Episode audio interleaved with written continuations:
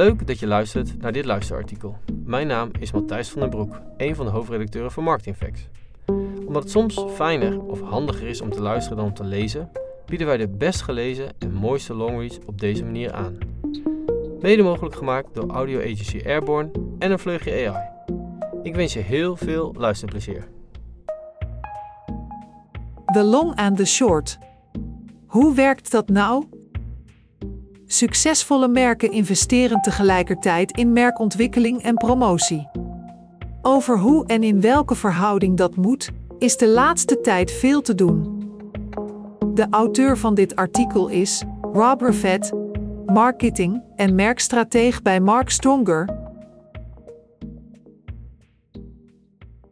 Tien jaar geleden publiceerden Les Binet en Peter Field hun rapport. The Long and the Short of It.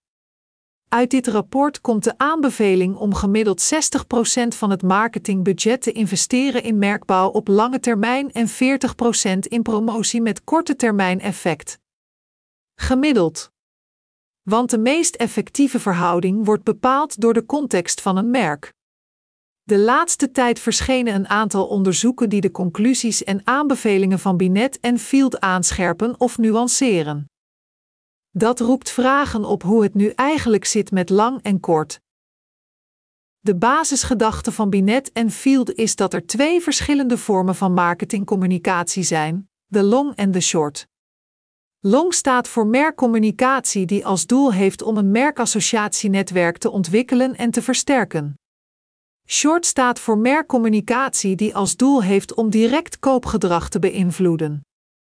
Short noemen we ook merkactivatie, omdat we het merkassociatienetwerk activeren of even aanzetten voor die directe gedragsrespons.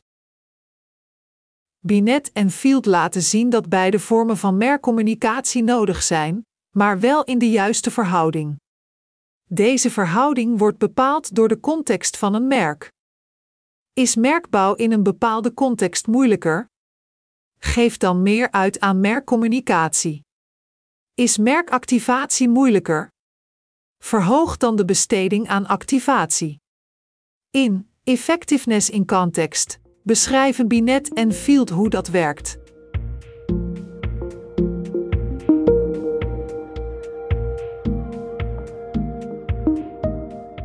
De rapporten van Binet en Field geven veel inzichten voor effectieve merkstrategie. Maar er is ook kritiek op. Binet en Field gebruiken geen willekeurige steekproef, maar analyseerden inzendingen voor een IPA Award. Ook rapporteren de inzenders van deze cases zelf hun campagne-effecten. Onderzoekstechnisch kun je daar iets van vinden. Verschillende onderzoekers toetsten daarom de uitgangspunten en conclusies van Binet en Field. Zoals Grace Kite en Tom Roach, die een andere dataset analyseerden. Kite en Roach beschrijven in het artikel The Wrong and the Short of It dat merken inderdaad merkbouw en merkactivatie tegelijk moeten inzetten, maar pas nadat het merk een zekere omvang heeft. Startende merken, schrijven zij, groeien prima via merkactivatie, maar dat is wel eindig. Op een zeker moment bereiken start-ups namelijk een plateau en wordt groei moeilijker. Dat is ook het moment waarop merkbouw zorgt voor nieuwe groei. Een belangrijk inzicht dat goed aansluit bij praktijkervaringen van start-ups en scale-ups. So far, so good. De meeste merken moeten dus tegelijk lang en kort gaan. Maar wat is nu precies lang en wat kort? Binet en Field passen in hun werk eigenlijk twee definities toe van wat merkbouw en wat merkactivatie is. Merkbouw is gericht op de lange termijn, beoogt verandering of versterking van merkassociaties en gebruikt daarbij emotie. Merkactivatie is gericht op de korte termijn, beoogt een directe gedragsrespons en is rationeel en informatief. Bij het rekenen aan de verhouding tussen lang en kort kijken zij echter naar mediabestedingen. Bestedingen aan massamedia als radio en televisie, maar ook aan online video en sponsoring, worden toegerekend aan merkbouw. Bestedingen aan andere media, waaronder digitale media en dagbladen, worden toegerekend aan merkactivatie. Dit onderscheid op basis van media-inzet blijkt praktisch lastig en inhoudelijk niet juist. Hoe ga je bijvoorbeeld om met een tv-commercial met een activerende tag aan? Of met tv-commercials voor de hamsterweken? Ook blijkt uit onderzoek van onder meer Nielsen dat via activerende media ook merkeffecten kunnen worden gerealiseerd. Merkbouwende media blijken daarnaast ook saleseffecten te kunnen leveren. Er lijkt dus eerder sprake van een continuum dan van een dichotomie of tegenstelling. Les Binet schrijft dat ook in een online gepubliceerde PDF. Sterker, schrijft hij nu, alle marketingactiviteiten hebben merkbouwende en merkactiverende effecten. Alleen niet in dezelfde mate. Lang levert effect op lange termijn en ook wat op korte termijn. Kort doet vooral kort met een heel klein beetje lang. Daarmee neemt hij niet ineens een andere afslag, maar dat maakt het rekenwerk wel wat lastiger. Dan denk je dat je er wel bent. Maar toen publiceerde onderzoeksbureau System One een analyse waaruit blijkt dat de sterkste merkcampagnes vrijwel zonder uitzondering ook sterke saleseffecten hebben. Lang doet dus ook kort. Andersom werkt dat niet zo. Salescampagnes leveren zelden sterke merkeffecten, volgens System One. De grafieken die zijn opgenomen in het artikel dat je kan vinden in de show notes, illustreren dit. In de grafieken is de zogenaamde spike rating van een commercial afgezet tegen de star rating. De spike rating geeft de kans op gedragseffecten op korte termijn. De star rating geeft een indicatie van merkeffecten door te meten hoe snel kijkers een merk herkennen. De eerste grafiek geeft de verdeling van bovengemiddeld scorende salescampagnes naar star rating. Hieruit blijkt dat ongeveer 61% van deze campagnes ondergemiddeld scoort op merkeffect, 29% gemiddeld en 11% ook bovengemiddeld op merkeffect scoort. Maak je de vergelijking andersom, dan blijken campagnes die bovengemiddeld scoren op merkeffect vrijwel altijd ook bovengemiddeld te scoren op gedragseffect. Voor commercials met star rating 5 is dat zelfs 98%. Ook een gemiddelde merkcampagne scoort in 7 van de 10 gevallen nog een bovengemiddelde spike score.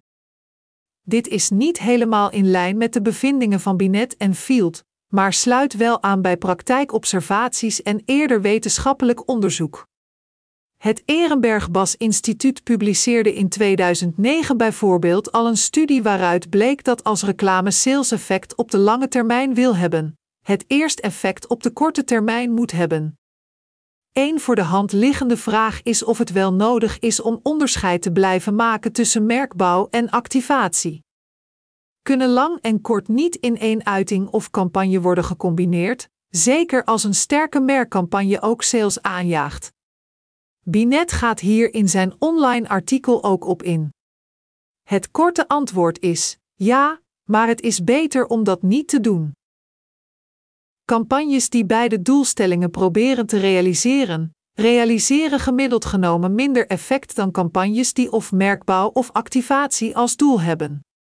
Het advies blijft daarom om het budget te verdelen over merkbouw en merkactivatie en hier aparte activiteiten en campagnes voor te ontwikkelen. Zo kun je optimaal gebruik maken van de kracht van elk instrument. Werken met een two-speed marketingplan noemt Mark Ritson dat.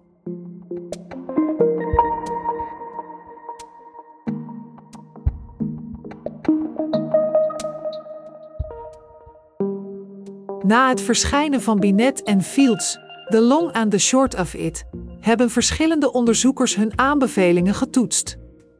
Hun basisgedachte, dat merkbouw en merkactivatie beide nodig zijn voor effectieve marketing, bleef overeind. Ook dat activerende salescampagnes niet optellen tot een sterk merk.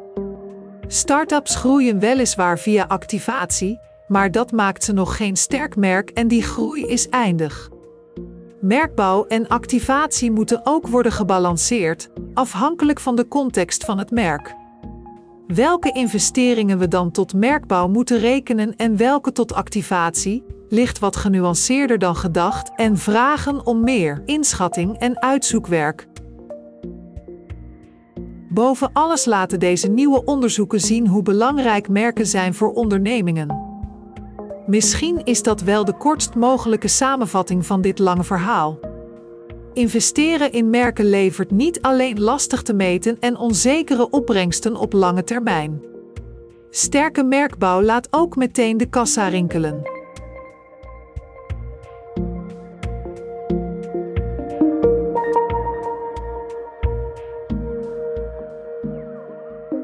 Dit luisterartikel wordt je aangeboden door Marketingfacts in samenwerking met audio agency Airborne en met een beetje hulp van AI.